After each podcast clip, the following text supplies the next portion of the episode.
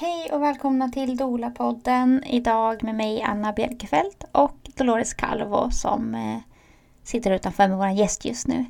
Eh, idag ska vi prata med Anna som är barnmorska och eh, kallar sig också för barnmorska Dola. Hon ska få berätta lite mer om sig själv snart. Men eh, jag tänkte bara påminna er om att likea podden. Och man kan även nu eh, swisha valfritt eh, bidrag för att stötta podden. Eh, information finns på våran Instagram, Dolapodden.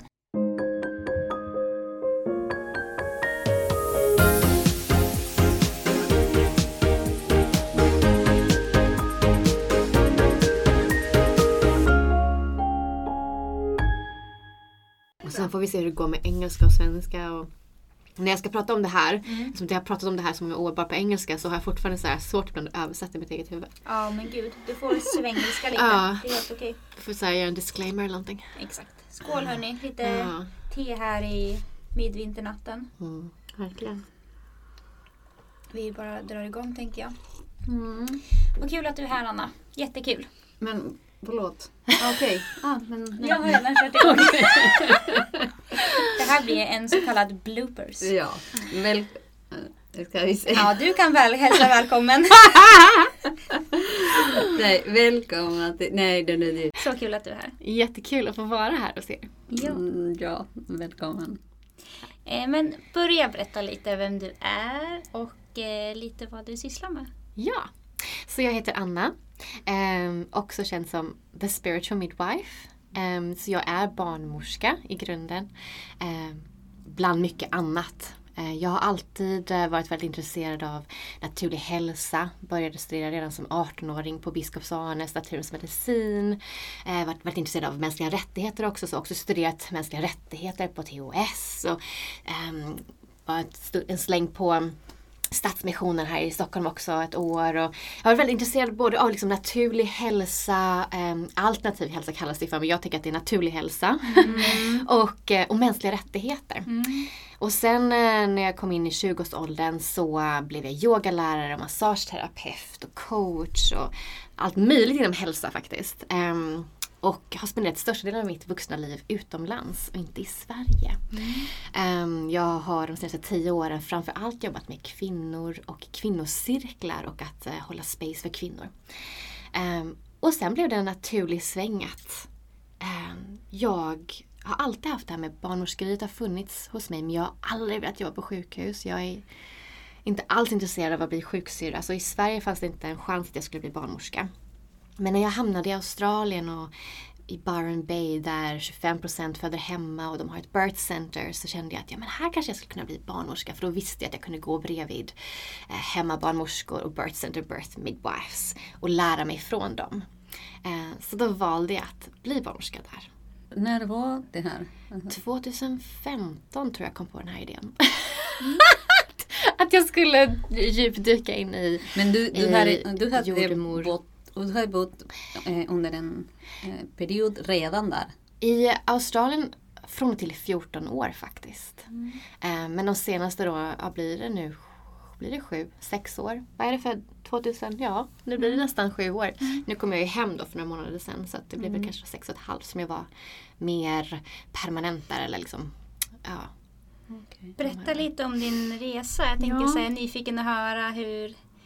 Jag gissar att det har kärle- med kärleken att göra att du flyttade dit. Till Australien? Ja. Det var kärleken till Australien faktiskt. härligt. Ja, Okej. Sen så har det funnits kärlekar i Australien också. Ja, såklart. men, eh, men det var inte en man som tog mig dit utan jag kom dit som, som 21-åring första gången. Mm, det var mina förutfattade Ehm, meningar. mm. Vi, vi har ju sagt att vi är en osensurerad podd. Så, mm. Ehm, så jag kom dit liksom eh, som en backpacker först och främst som 21-åring. Och sen så var det som att jag blev ehm, det var något som kändes väldigt hemma för mig där. Och har alltid gjort. Jag har rest mycket över hela världen. Um, men det var något speciellt med Australien så jag fortsatte komma tillbaka och komma tillbaka och komma tillbaka och till slut så fastnade jag där.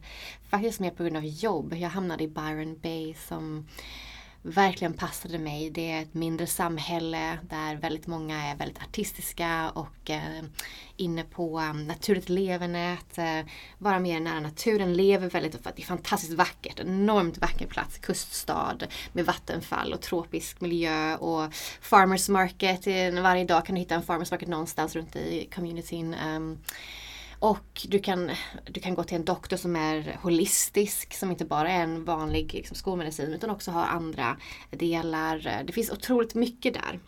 Mm. Så jag fastnade där för att jag älskade communityn där och då höll jag kurser för kvinnor och kvinnocirklar i början och blev så otroligt väl mottagen med det jag gjorde då.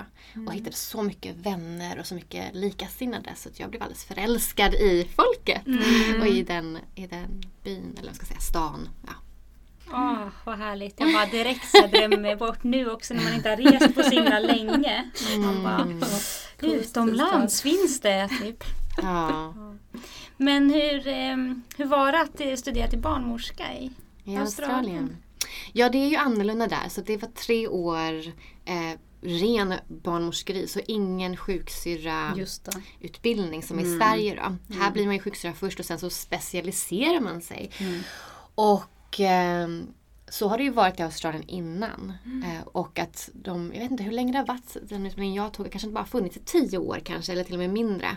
Så inte så, så länge? Inte länge. Och det betyder också att vi var ju lite udda som kom in också i sjuk, sjukhussystemet. Så att jag hade en utbildning som var otroligt så här woman-centered, så kvinnocentrerad. Eh, verkligen vi lärde oss hur vi verkligen um, vördar för det fysiologiska födandet, uh, skydda det spacet. Um, vi lärde oss Continuity of Care Model, vilket uh, nu hurras för här i Sverige, för det är ju det som är det mest evidensbaserade.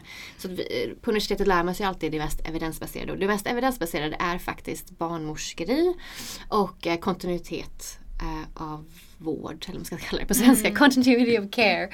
Mm. Um, Omsorg och, kanske? Ja, är bättre än vård. ja precis. Jag tycker inte alls om det här med vård och det är väldigt mycket så mm. i sjukhusmiljö. Det är, man går till sjukhuset för att föda. Det är mm. liksom ja, alla de här mm. orden vi använder är så otroligt, eh, det är så fel. De är väldigt kraftfulla också. Mm, jättekraftfulla. Eh, vet du något om hur det var den där eh, processen från utbildning, alltså strukturen i utbildningen? Att man läser till sjuksköterska och sen barnmorska tills att det har ändrat ja, sig. I Australien? Ja, vi vill göra det här, här. Ja, för det, det här diskuteras, mm. alltså, ja. det diskuteras här. Mm. På Nej, jag vet inte historien om hur det förändrades. Det, det är en väldigt stark um, det är en stark rörelse, barnmorskerörelse i Australien och framförallt också för independent midwives. Um, och att det ska utvecklas ännu mer med eh, publicly funded home births, birth centers.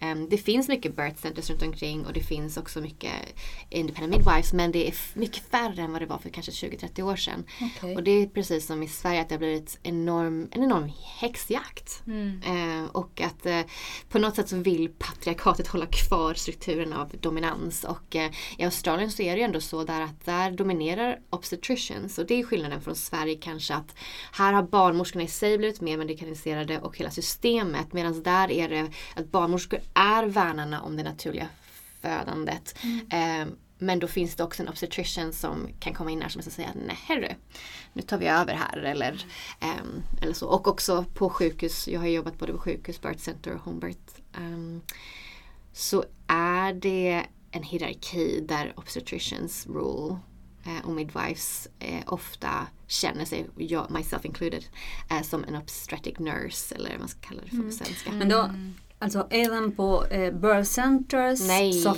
Nej, på birth centers ah, okay. är det bara barnmorskor. Okay. Det är lite som jag har hört kanske att det finns här min barnmorska i Stockholm eller liknande. Att man jobbar i team och det är bara barnmorskor som jobbar ihop. Sen har man kanske en, att man konsultar med en eh, förlossnings, jag vet inte vad det är, förlossningsläkare ja. i Sverige eller vad det kan vara. I Australien kanske att man, man konsultar med en eh, general practitioner, så en doktor bara, som är allmänmedicin. Eh, men kanske har specialintresse i förlossningsvärlden. Mm. Eh, men men det är helt fristående. Så birth centers och också independent midwives är helt fristående. Um, men ingår i systemet? Alltså det är ja, public funded? Eh, inte independent midwives är inte publicly funded utan då går man igenom ett birth center som är connected to, till ett hospital, eller nu pratar jag svengelska här, mm. till ett sjukhus. Och då är det mer toppstyrt och det är mer, så här, väldigt mycket mer strängare kanske regler att du får inte gå över den här tiden. Vi följer de här policyerna och guidelines. Eh, men sen har du kanske birth center som är fristående. Då får kvinnan betala själv. Men då är, de kanske, då är det också fristående. Att de följer de policies och guidelines som de bestämmer. Detsamma med mm. independent midwives. Och det är samma i Sverige. att uh, Nu har inte vi birth centers här men... Um, och det är, mm, Ja, och det har visat vara jättesvårt att, att, få, att till. Ja. Mm. ja. Ah, gud vad det där lever kvar, det här starka patriarket. Liksom. Mm. För jag tänkte, även om allt det där du berättat så lyckades barnmorskekåren och få till det här med direktutbildning. Mm. Som är, alltså för det, det är inte en små sak. Nej, eh. och det, det har jag inget svar på hur det gick till.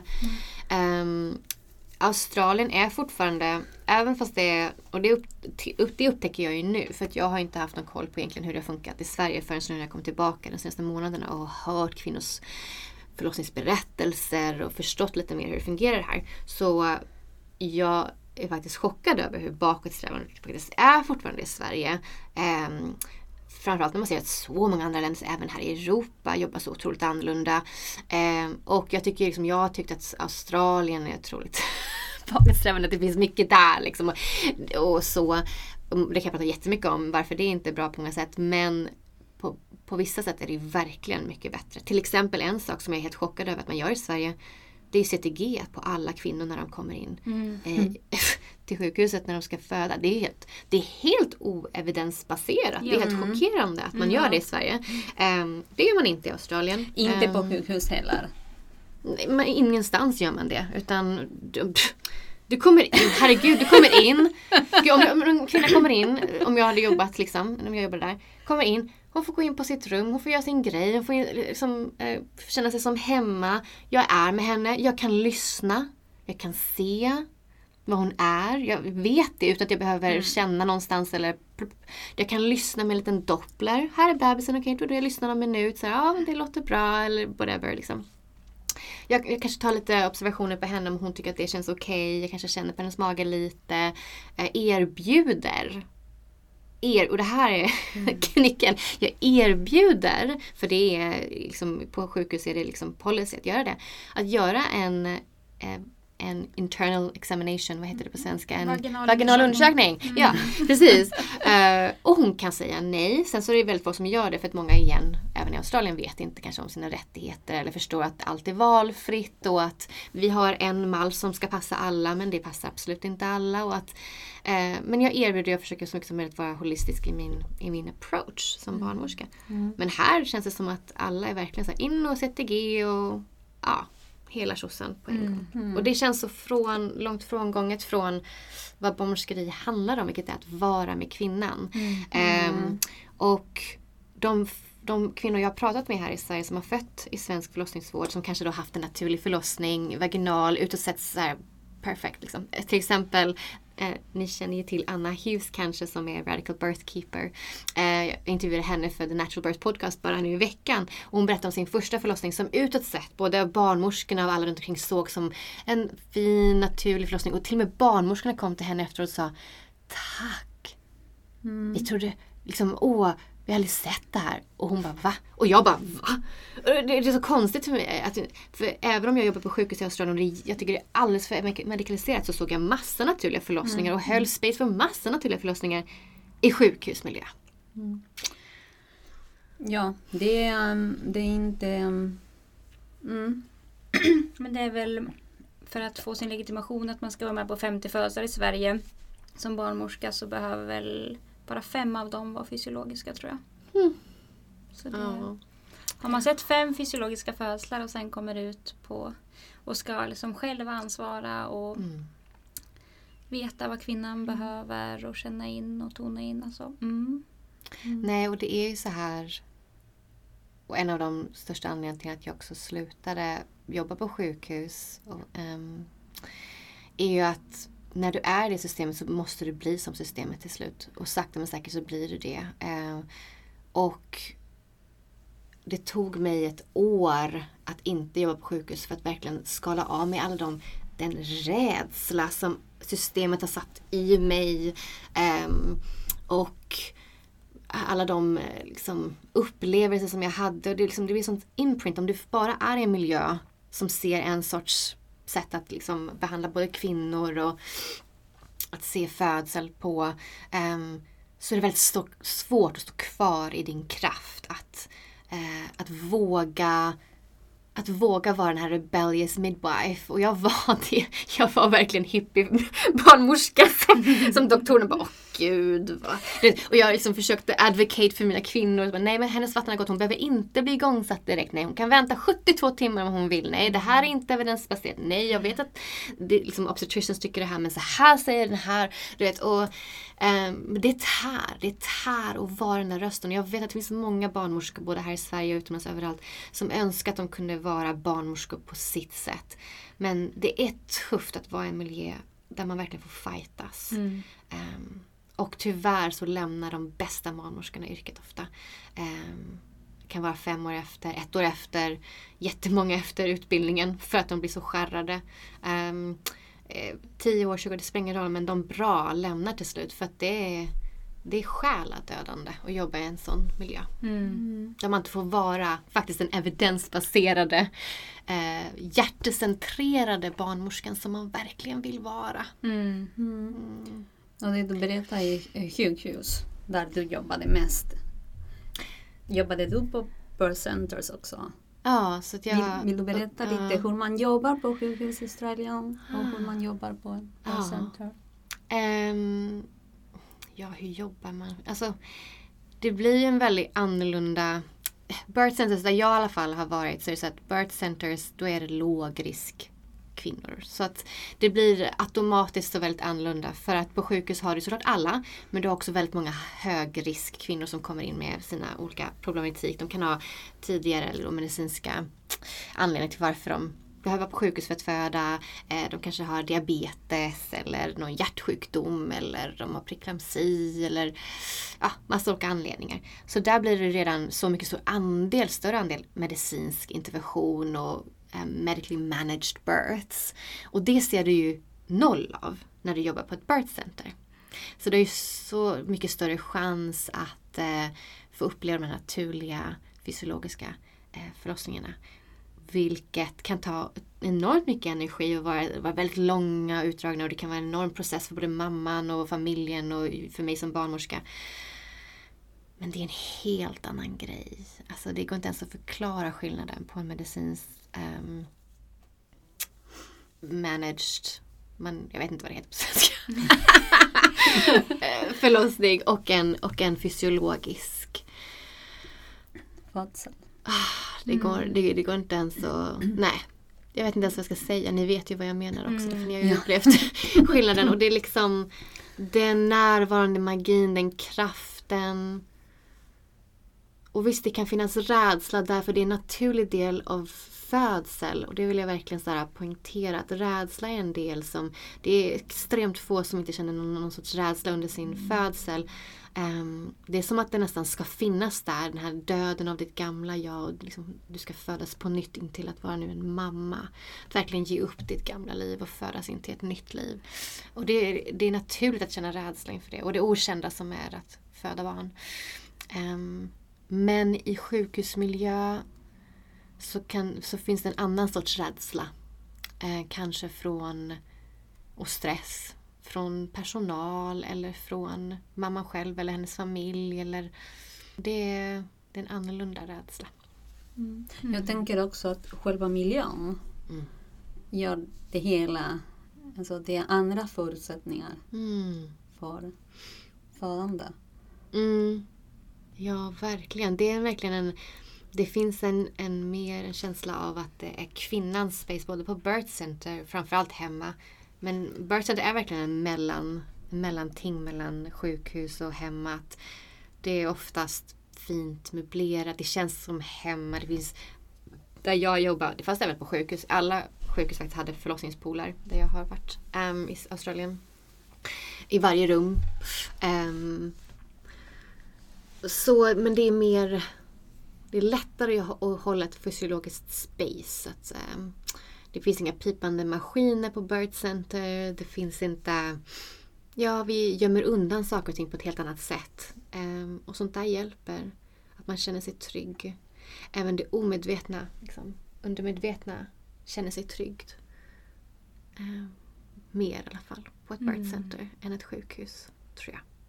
Men när mm. du jobbade på de här birth centers, eh, jobbade ni flera barnmorskor ihop eller vad hade ni för typ av upplägg, team? Ja, um, det var antingen så här att man jobbade det ändrades under tiden jag var där så det var två olika sätt. Nu ska jag försöka komma ihåg.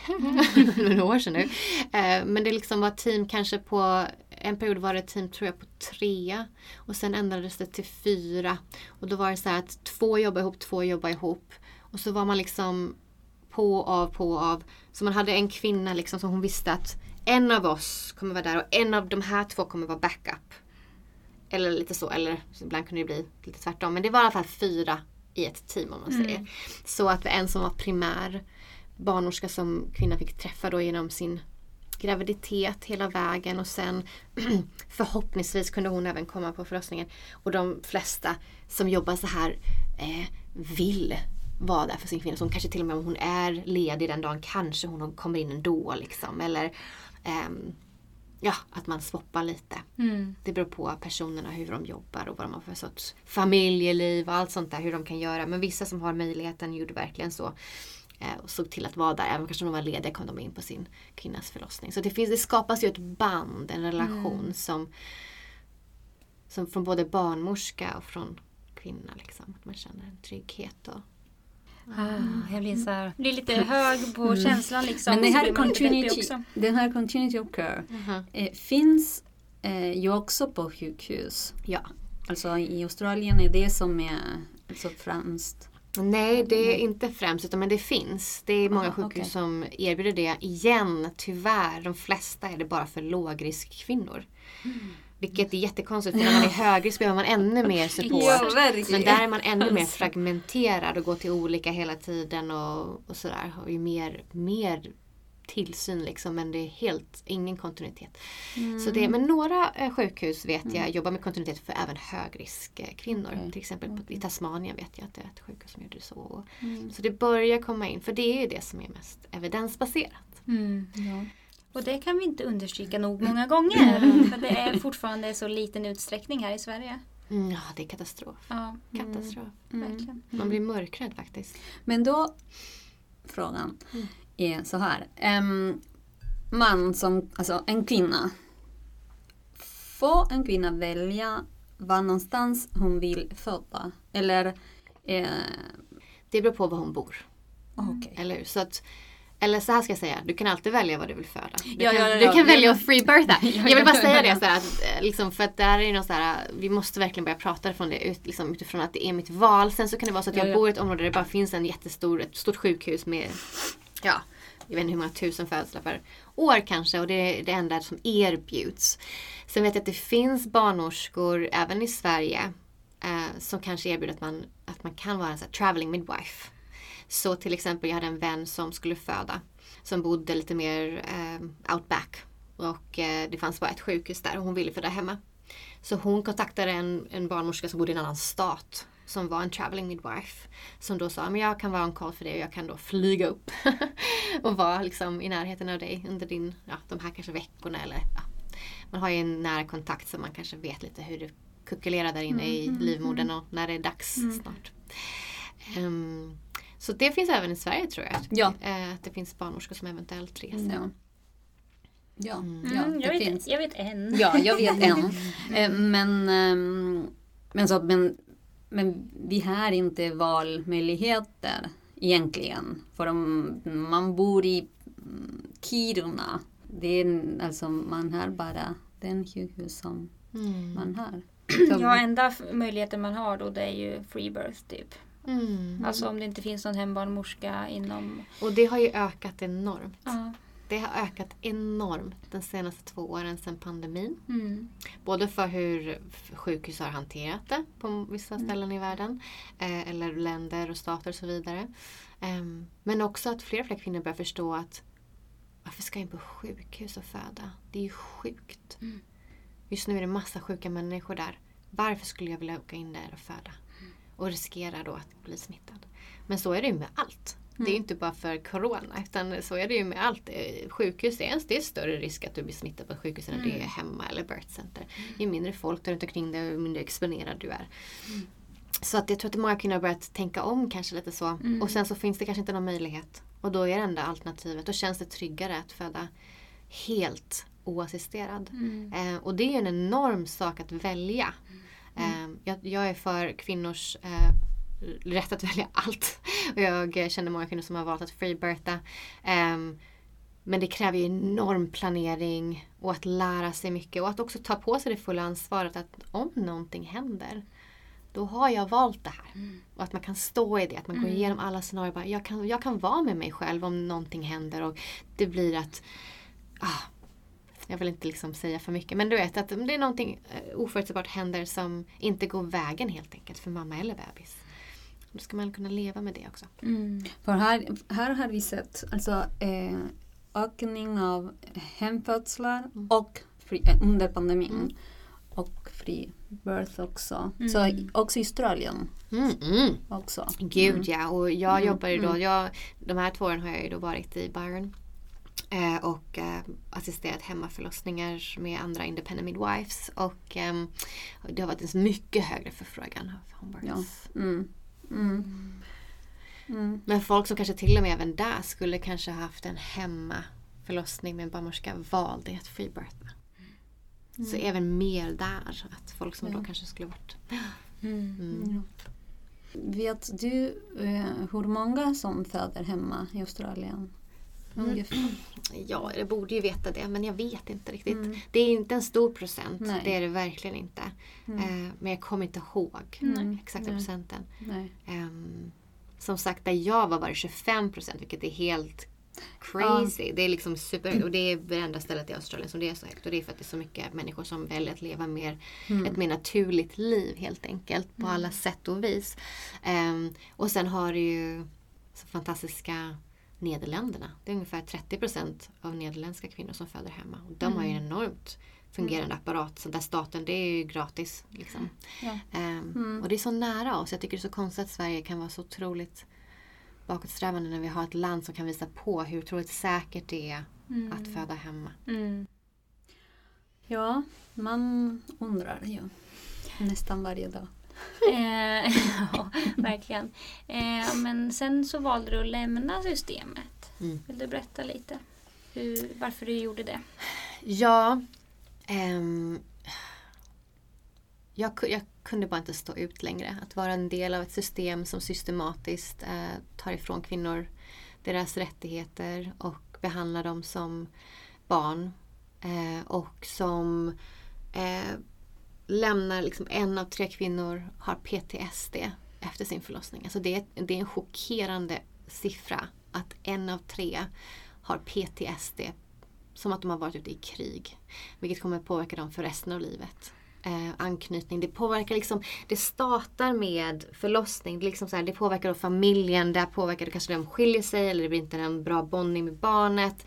Eh, det påverkar då barnets eh, liksom, upplevelse av livet i början. Familjen i stora hela kommer den här kvinnan då vara ja, men en trasig kvinna i samhället. Det är alltså en av tre kvinnor. Så det är så chockerande så att jag kan inte ens förstå att man kan tillåta en sån siffra och ändå fortsätta göra samma system. Och grejen är att det är så här att det är ett faulty system. Det är det. Är det. Det är liksom uppbyggt på, liksom från en militärisk modell. Det är hierarkier, det är det är en otrolig övermedikalisering och en tro på teknik som pff, till exempel ultraljud, CTG-maskiner som vi vet bara, det är screening tool at best. Liksom. At best! Det är absolut inte diagnostiserande och ändå så används det så här slaviskt som att det vore ehm, diagnostiserande. Gud Gud, jag har haft en kvinna som de, de trodde att hennes barn hade så hjärtfel, skulle födas, behöva opereras direkt. Hon fick så många ultraljud under hela sin graviditet. Så mycket eh, anxiety, trodde att hennes barn skulle dö. Och barnet föds helt normalt. Mm.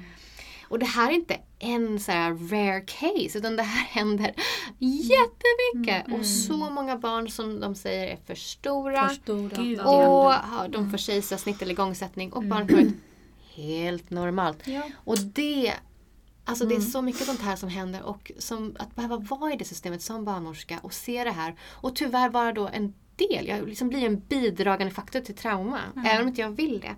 Mm. Och även om jag absolut känner att min närvaro har kunnat gjort så mycket skillnad. Jag vet att jag har gjort det och det känns jättefint. Och det är som att man är i så här att det har jag pratat mycket med mina kollegor om. Liksom, att det känns som att man är i en så här, um, DVs, eller så misshandelsrelation typ. Så att mm. man blir slagen, blåslagen och sen så får man lite pussar och kramar och allt är jättebra, jag älskar det. Och sen så bara igen. Mm. Systemet liksom. Uh, det är verkligen som en, så här, um, uh, en relation som man har svårt att slita sig ifrån för man får också så mm. mycket kärlek och det är så otroligt fantastiskt att vara på förlossning och vara i den oxytocinbubblan och få, få bidra till att en kvinna har en bra upplevelse mm. eller någorlunda bra upplevelse så långt man kan hjälpa. Eller ett barn. Att kunna få vara liksom en, vara en lugn närvaro för en bebis. Att liksom kunna föra över det imprintet. Att okej, okay, det är kaos runt omkring dig men jag håller dig nära mitt hjärta och vi andas lugnt. Att liksom, det är ju sådana här stunder som gör att man känner åh, det här är fantastiskt. Mm. Men samtidigt behöver man finna sin maskin som, är, som skadar mm. enormt mycket kvinnor. Det som jag tycker mm. är så, mm. vad ska man säga, beklagligt, sorgligt, tråkigt eller vad man nu ska använda för ord är liksom att det är så många som alltså barnmorskor som jag hör och pratar med som är som men, men jag gör inte så. Liksom, för jag jobbar är det bra. Alltså att, jag känner så att man behöver inte försvara hur alla gör. Eller man kan inte förklara och liksom, stå bakom vad alla gör. Utan man kan prata för det man själv gör. Att, att det blir svårt att säga att ja, men är ni med på vad jag är på väg? Liksom... Ja, men jag tror att när man jobbar i, inom systemet så behöver man Försvara tror, lite? Och... Ja, behöver mm. man tro att att det är det rätta? Ja, man, man, alltså, jag själv gör inte så. Nej. Jag själv bla bla bla bla. Så sen, vi läser alltid förlossningsbrev. Man bara, ja men du kan säga att du läser dina förlossningsbrev mm. som du får mm. från kvinnor. Men du kan inte säga att alla barnmorskor gör det. För vi mm. träffar många där vi får tjata om att det ska läsas. Eller, mm. jag gör all, vi, vi barnmorskor gör aldrig vaginala undersökningar utan att fråga. Så här, men man, måste, man kan ju prata för, från sitt eget perspektiv. Ja, men, absolut. Men sen är det så här när du är, det är det här som är grejen varför jag valde att sluta och varför fel barnmorskor väljer att sluta på ett sätt. Va? De som kanske skulle kunna göra Men det kan vi inte. Det är det, som, det, är det, det, det man kommer fram till. Du kan inte ändra inifrån. För det, du kan inte ändra system. Det, är, det, det här systemet är som Titanic på väg mot isberget. Det är redan liksom mm. i isberget. Um, det är, här, det är, lite så här, rädda dig själv tyvärr. Och det är det som händer just nu i Stockholm och runt om i Sverige. Att många barnmorskor säger att vi har skrikit i 40 år. Samma ramsa. Mm. Och det är de här knäppa politikerna som man blir så helt frustrerad av att höra. Bara, oh, förlossningsvården är så bra. Oh. Ja, fast det är kvinnor som jag och andra som ger allt och sen har inget liv, kommer hem och är helt förstörda. Mm. Mm. Det, enda vi gör är sover. Ja, mm. sover för att mm. ta igen oss och gråter och går i skogen och försöker mm. liksom läka trauma som vi mm. själva är med om, som vi inte vill vara med om i ett system som vägrar att förändras. Um, och jag tror att det är många som är en del av systemet och då ser man inte de, de där eh, Nej men exakt, man blir lite blind. Ja, ja jag, du... tror, jag tror att det, för det finns olika sorters människor. Så är det också. Jag tror att de som kanske klarar av att vara i systemet en längre tid och som också kanske tycker att det funkar jättebra och är ett system som räddar kvinnor. För det är ju det som systemet säger att de gör. Mm. Um, har kanske en mer um, men har, en, har en annan typ av syn. Människosyn, eh, systemsyn, livssyn. Liksom. Um, jag är en enormt känslig och empatisk människa. Jag känner allt. Jag känner allt som händer i ett rum. Jag kan känna vad en kvinna går igenom. En otroligt stark intuition. Um, då är det svårt att vara i trauma för då mm. känner jag det traumat. Mm. Men har man inte den känsligheten och den känsligheten är fantastiskt att ha vid en förlossning. Så uh, det är synd att det är så svårt att vara i ett system då. Som en sån person. Mm. Sen finns ju uh, de som lyckas med att kunna göra skillnad inom systemet till viss del. Och sen alltså att, och, och kan behålla den här um, den kritiska blicken också. Alltså det är några som mm. Mm. Jag tänker några som har jobbat mycket med att driva in vattenfödslar på sjukhusen mm. till exempel. Eh, och några som jobbar med, med mycket med profylax och föda utan rädsla med att träffa ja, föräldrar innan. Och, och, och, eller hembarnmorskor mm. som fortfarande mm. jobbar mm. på sjukhus och eh, försöker.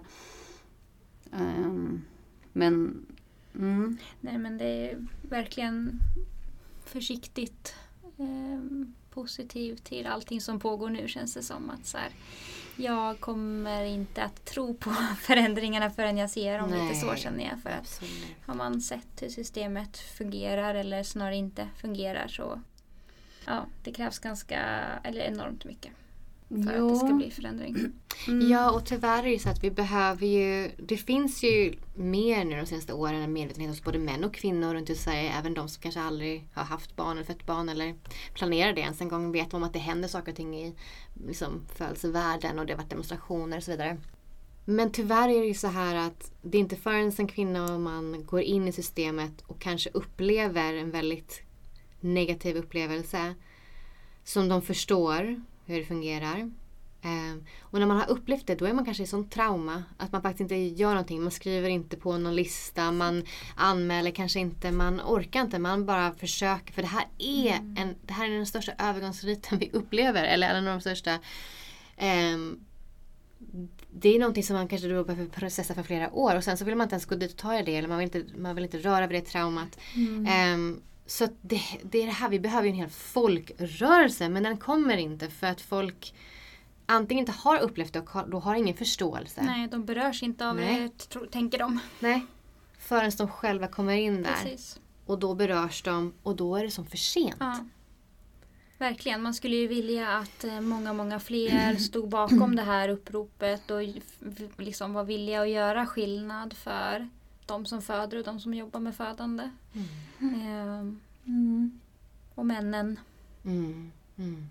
behöver vi mm. också ha med i det här. Mm. Jo, men då kom du hem till Sverige. När du var trött på systemet. Eller? Ja, det var inte anledningen. Var ja, Vad var anledningen då? Ja, men anledningen var att um, pandemin.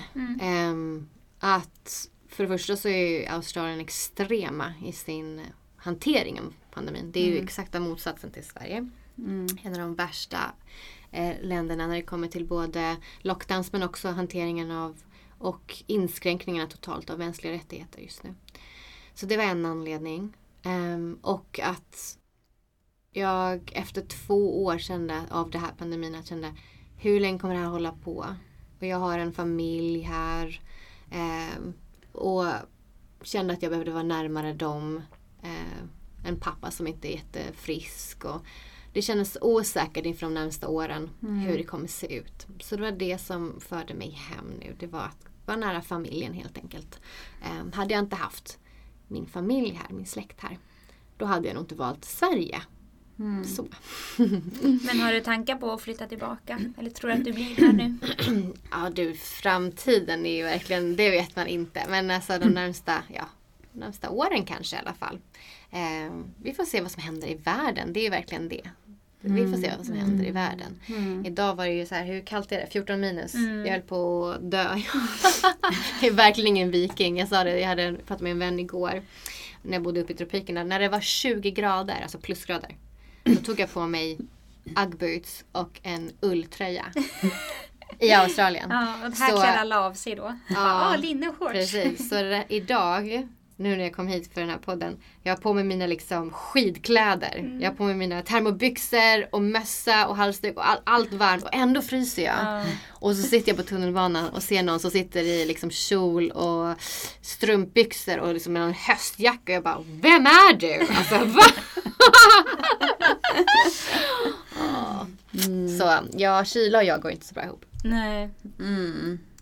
Mm. Men hur, eh, hur tycker du att det var att komma tillbaks då till Sverige? Åh gud, bara mycket har hänt på sju år. Mm. Alltså samhället har verkligen blivit ännu mer eh, digitaliserat, eh, ännu mer eh, ingen har pengar, alla har så här, man liksom använder mobilen för allt och allt det här. Det, alltså Sverige är enormt extremt där liksom. Vi är väldigt extrema här med eh, ja, digitalisering. Så det märkte jag. Mm. För det upplevde jag inte i Australien. Mm. Ehm, de är ju lite efter där och det tycker jag är lite skönt. jag är också lite efter kanske.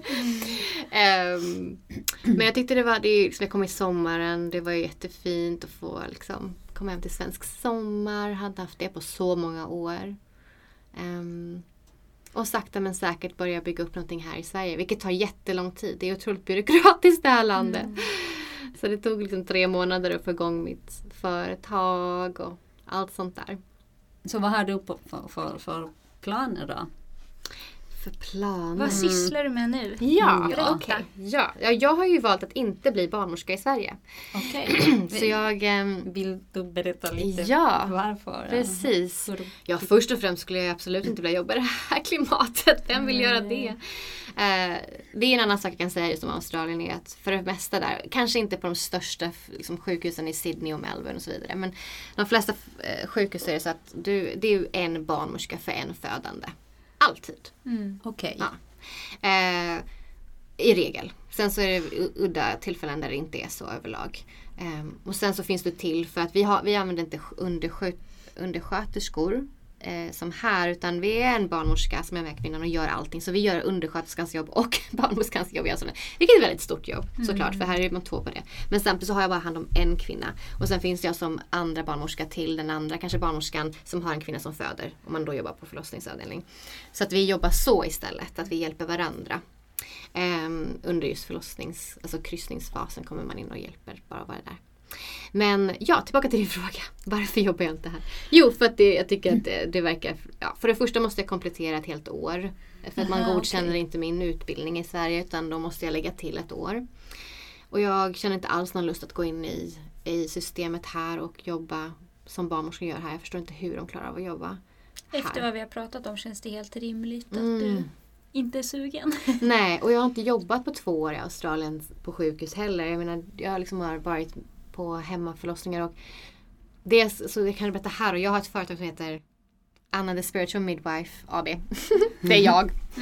eh, I Sverige. Men jag startade det här redan för två år sedan. 2019 eh, slutade jag på eh, sjukhus och eh, började med att skapa en onlinekurs som jag kallar för The Natural Birth Course.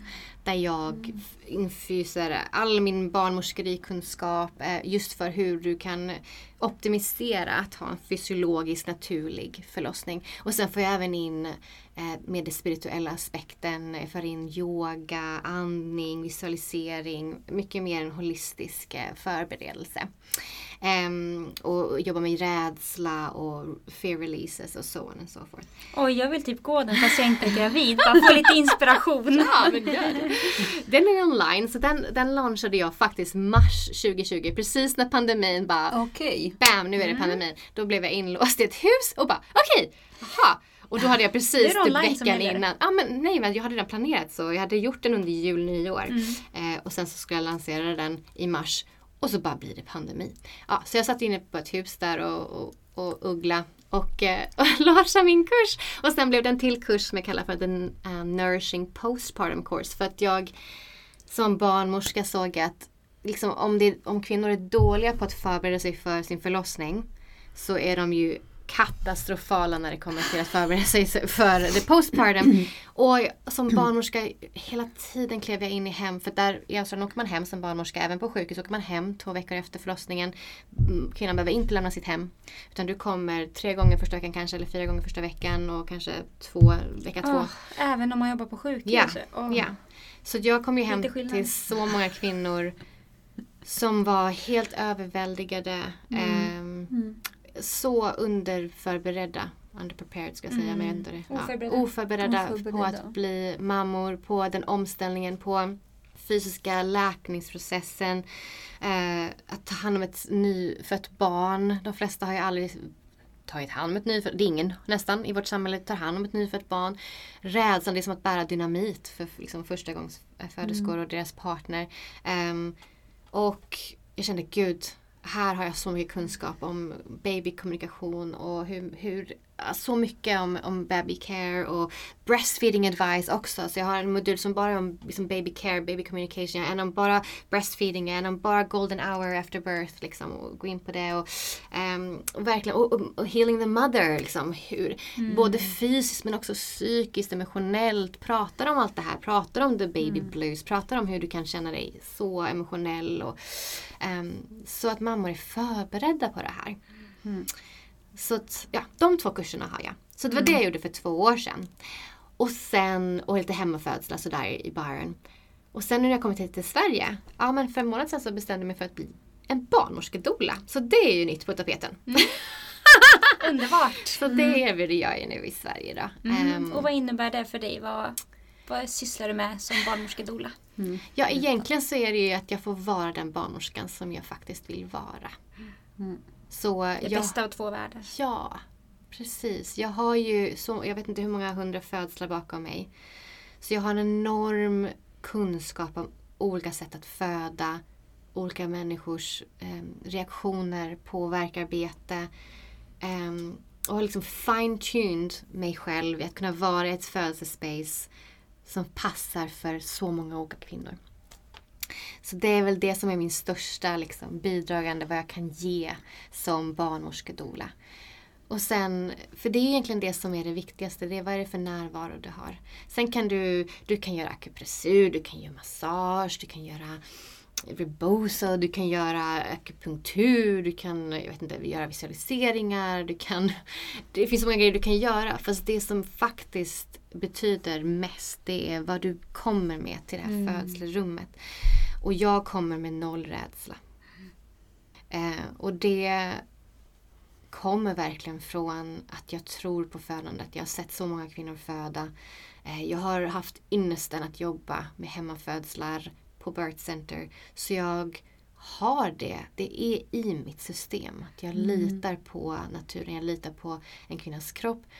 Men jag har också sett såklart allt annat. Så jag vet också hur jag hanterar det. Mm. Sen så går jag in i en roll nu som doula vilket gör att jag inte är medicinskt ansvarig. Så Nej, jag erbjuder ju både att assistera kvinnor om de vill free birthing eller hemmaförlossning med barnmorskor eller på eh, sjukhus om man vill föda naturligt. Och det är det som är nyckeln här för att det är där jag kan erbjuda dig någonting. Jag kan hjälpa dig att hålla det spacet. Det är safe space som behövs.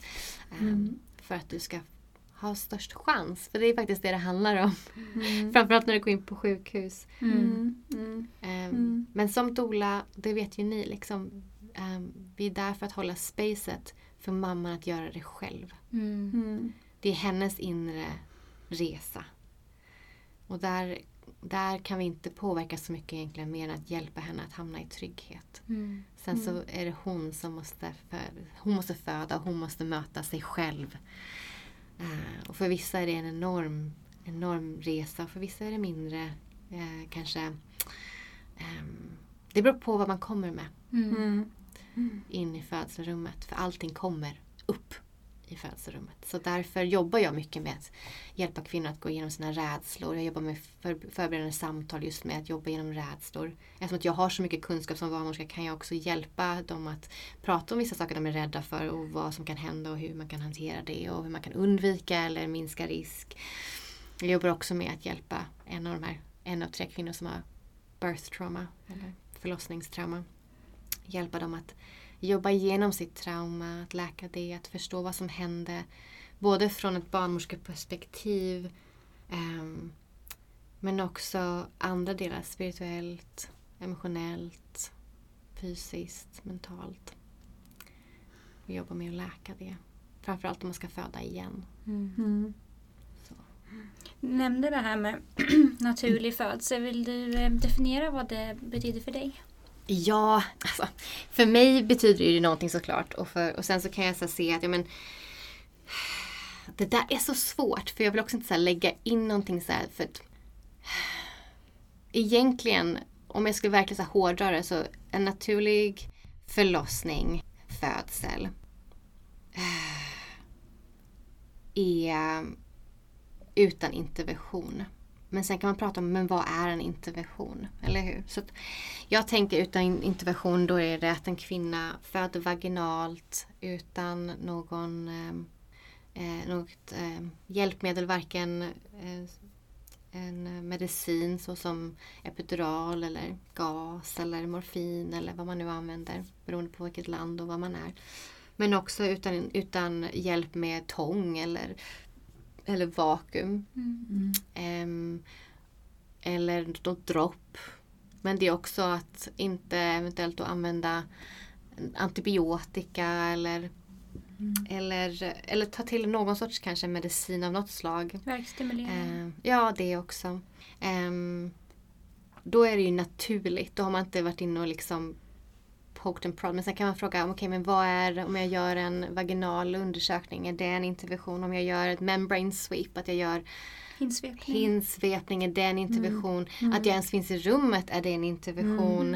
Mm. Eh, vad jag säger, är det en intervention? Um, Ja, själva, själva, själva, själva sjukhuset. Om det ja, ja, precis, ja men absolut. Så jag tänker så här, det är också skillnad på man pratar om till exempel då en naturlig födsel och en fysiologisk mm. födsel. Um, för att man kanske kan säga att det var naturlig födsel för att jag födde vaginalt. Och jag, jag tog inte någon, till exempel jag hade ingen verkdropp kanske eller jag kanske inte hade någon, någon epidural. Um, och det kan jag säga, ja absolut det var naturligt. Du födde naturligt liksom genom din vagina. Men sen kan man säga, okej okay, men jag hade en fysiologisk mm. unhindered birth liksom. Mm. Då är det egentligen att man inte gör någon påverkan mm. på den här kvinnan som föder. Mm. Så det finns så otroligt sånt spektrum inom naturlig, liksom, vad mm. är naturlig födsel? Och um, det måste man definiera på något sätt själv. Alla kvinnor får göra själva. Liksom. Um, och jag lägger inte in någon värdering vad som är bättre eller sämre heller i det. Riktigt sådär utan det är väl mer um, Det viktigaste är att en kvinna känner sig stärkt av sin födsel. Att hon känner, att hon känner har en bra känsla, en positiv känsla. Mm. Empowering feeling. Liksom. Mm. Empowering birth. Mm. Men eh, mm. om, det, om du träffar en kvinna som eh, har en stark önskan om att ha en, en naturlig eller fysiologisk födsel, vilket mm. ord man använder. Och sen liksom vill hon ha en epidural och det blir verkstimulerande dropp. Liksom, eh, hur är det för dig som barnmorskedoula då? Om jag är med en kvinna som mm. jag assisterar, mm. ja då gör vi det. Mm. Alltså det blir, det blir som det ska bli alltid. Mm. Och det, eh, ibland så finns, alltså gud, ibland så är en epidural det bästa som finns. Mm. Där en kvinna verkligen behöver sova eller slappna av. Mm. Och hon kan inte finna den avslappningen utan. Då är det det enda liksom, rätta för henne. När hon har försökt allt annat och, inte, och det är liksom inte går. Mm. För att grejen är, nyckeln för att kunna föda barn är att du öppnar dig. Mm. Och liksom, Nyckeln till cervix. Ja, och, och svinkten där liksom cervix, hon är så blyg liksom. Mm. Och hon är liksom, hon är oh, lite timid så här. Så om, om man är spänd och kan inte finna avslappning och det kan man vara kanske det är det här som jag försöker jobba så mycket med innan födseln genom the natural mm. birth course eller med mina samtal är att eh, verkligen prata om det omedvetna. Mm. Hur mycket påverkan det har. Du kan medvetet tänka att Nej, men jag slappnar av och jag gör ljuden och jag gör andningen och jag gör akupressuren och jag bla bla. Och sitter på yogabollen och men du spänn, din, din livmoder är spänd eller din, din um, cervix är spänd och öppnar sig inte. Um, Och där, där är det så här, en reprogramming måste ske innan. För om, du, om det händer när du föder, då kanske du kommer behöva en epidural. Mm. Eller lite morfin eller någonting som gör att du kan slappna av för att sen då att servicen kan öppna och du kan föda. Det är därför en, en kvinna i koma kan föda barn. Mm. För att det, hennes kropp kan göra det här. Det är oftast vi som med rädslor och vår mentala Mm. ja, inre dialog skapar problem. Mm. Mm. Mm. Och så igen, när jag jobbar med någon så, så om någon kommer till mig så vill de ha en naturlig fysiologisk födsel. De vill ha assistans i det. Och då jobbar vi med de här sakerna. De Mm. tar min kurs, de jobbar igenom de här grejerna. Och sen kan det ändå bli att de inte kan komma över det hindret. Att de ändå, eller någonting händer. Alltså Så kan det också vara att det är inte, bara för att man vill ha naturlig födsel så kanske inte det går alltid. Och Nej. det är, inte, det, det är inget fel i det. Ibland så behövs interventioner av olika anledningar. Mm. Mm. Utom vår kontroll. Och det har ingenting att göra med vad vi kan och inte kan. Utan det är bara så det blir. Mm. Mm. Så det du gör nu är att du tar lite uppdrag Mm. som barnmorskedoula Mm. och håller onlinekurser Mm. och har lite cirklar, eller hur? Ja, just Mm. det. Ja, här i Sverige har jag ju startat upp den här The Sacred Birth Workers Circle. Eh, som Mm. vi ska hålla här i Dola gruppens lokal. Mm. Mm. Från Det februari. Ja. Från februari, så en gång i månaden så bjuder jag in både barnmorskor och doula, så radical birth keepers eller vad man nu vill kalla sig. Eh, för att komma samman, både för att sitta i cirkel och få känna gemenskap och få debriefa. Kanske om man har varit på någon förlossning eller bara man vill prata, man vill fråga råd från kollegor, man vill få liksom... För det vi upplever som birth workers, vem man än är, eh, barnmorska eller doula, birthkeeper, det, det kan ingen annan förstå. Mm. Så att vi behöver varandra. Vi behöver den här connection. Och jag har även en internationell sån online-cirkel en gång i månaden.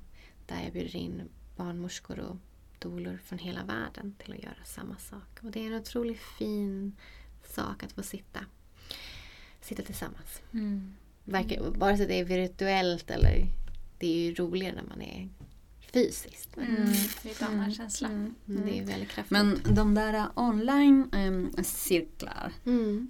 mm, vem som helst kan vara med eller hur, hur funkar det? Ehm, the birth worker. Jag har något som kallas för, um, vad kallar jag det för då? Sacred Birth Worker Society. Mm. Och det är en online community för igen birth workers. Vare sig du är barnmorska, um, doula eller birthkeeper. Och det, är liksom, det riktar sig till, till birth workers som verkligen promotar fysiologisk eh, förlossning, ehm, det naturliga, ser födsel som en övergångsrit, ser det som en rite of passage. Så det är det här typen av birth workers som vi kallar in till vår birth worker society. Ehm, så om man är en sån, då är man välkommen. Och då kan man joina den eh, på min hemsida, thenaturalbirthcourse.com. Kommer du att länka? Ja, det ska vi Mm. absolut göra. Mm. Vill du berätta var man hittar dig på olika kanaler, Anna? Ja. ja, men som sagt så man kan hitta allt jag gör på thenaturalbirthcourse.com. Då kan man hitta mina onlinekurser, man kan boka en gravidmassage eller en blessing way ceremony här i Stockholm om man bor här i Stockholm. Och man kan också eh, kontakta mig för att se om vi kan vara ett team som gör då en barnmorskedoula. Eh, och jag har några tider kvar nu till våren så det finns plats.